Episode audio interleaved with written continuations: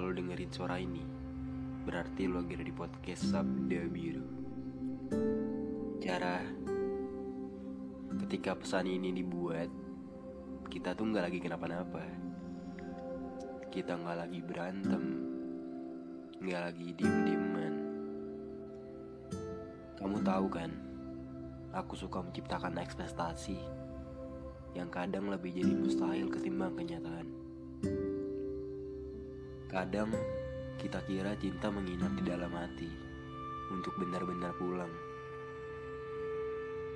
Ternyata dia punya tujuan yang lain. Kadang semesta juga harus jatuhin kita benar-benar dalam biar kita belajar dan berdiri. Belajar dari dewasa atas masalah apa yang kita alami. Ya nggak apa-apa, Gak semua rasa punya jalan keluar. Gak semua pemilik jawaban punya tanggung jawab sama tiap pertanyaan.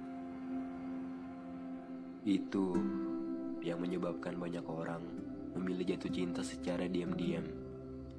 Bukan karena jawabannya enggak, tapi karena mereka tahu betul bahwa dua orang gak perlu sama-sama dulu. Jadi, makasih selama ini buat aku senang. Maaf kalau ternyata selama kamu sama aku kamu gak senang. Makasih juga udah bisa menyebalkan dan menyenangkan dalam satu waktu.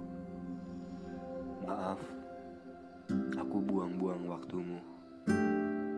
Maaf juga, aku ngerasa kehilangan kamu yang seharusnya nggak kayak gitu. Karena, karena walaupun kamu bilang aku pernah memiliki kamu, rasanya nggak kayak gitu. Mau jutaan puisi yang aku tulis buat kamu, nyatanya itu nggak bisa menyelamatkan cerita ini.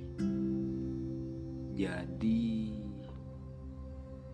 selamat meneruskan perjalananmu. Karena aku pun begitu.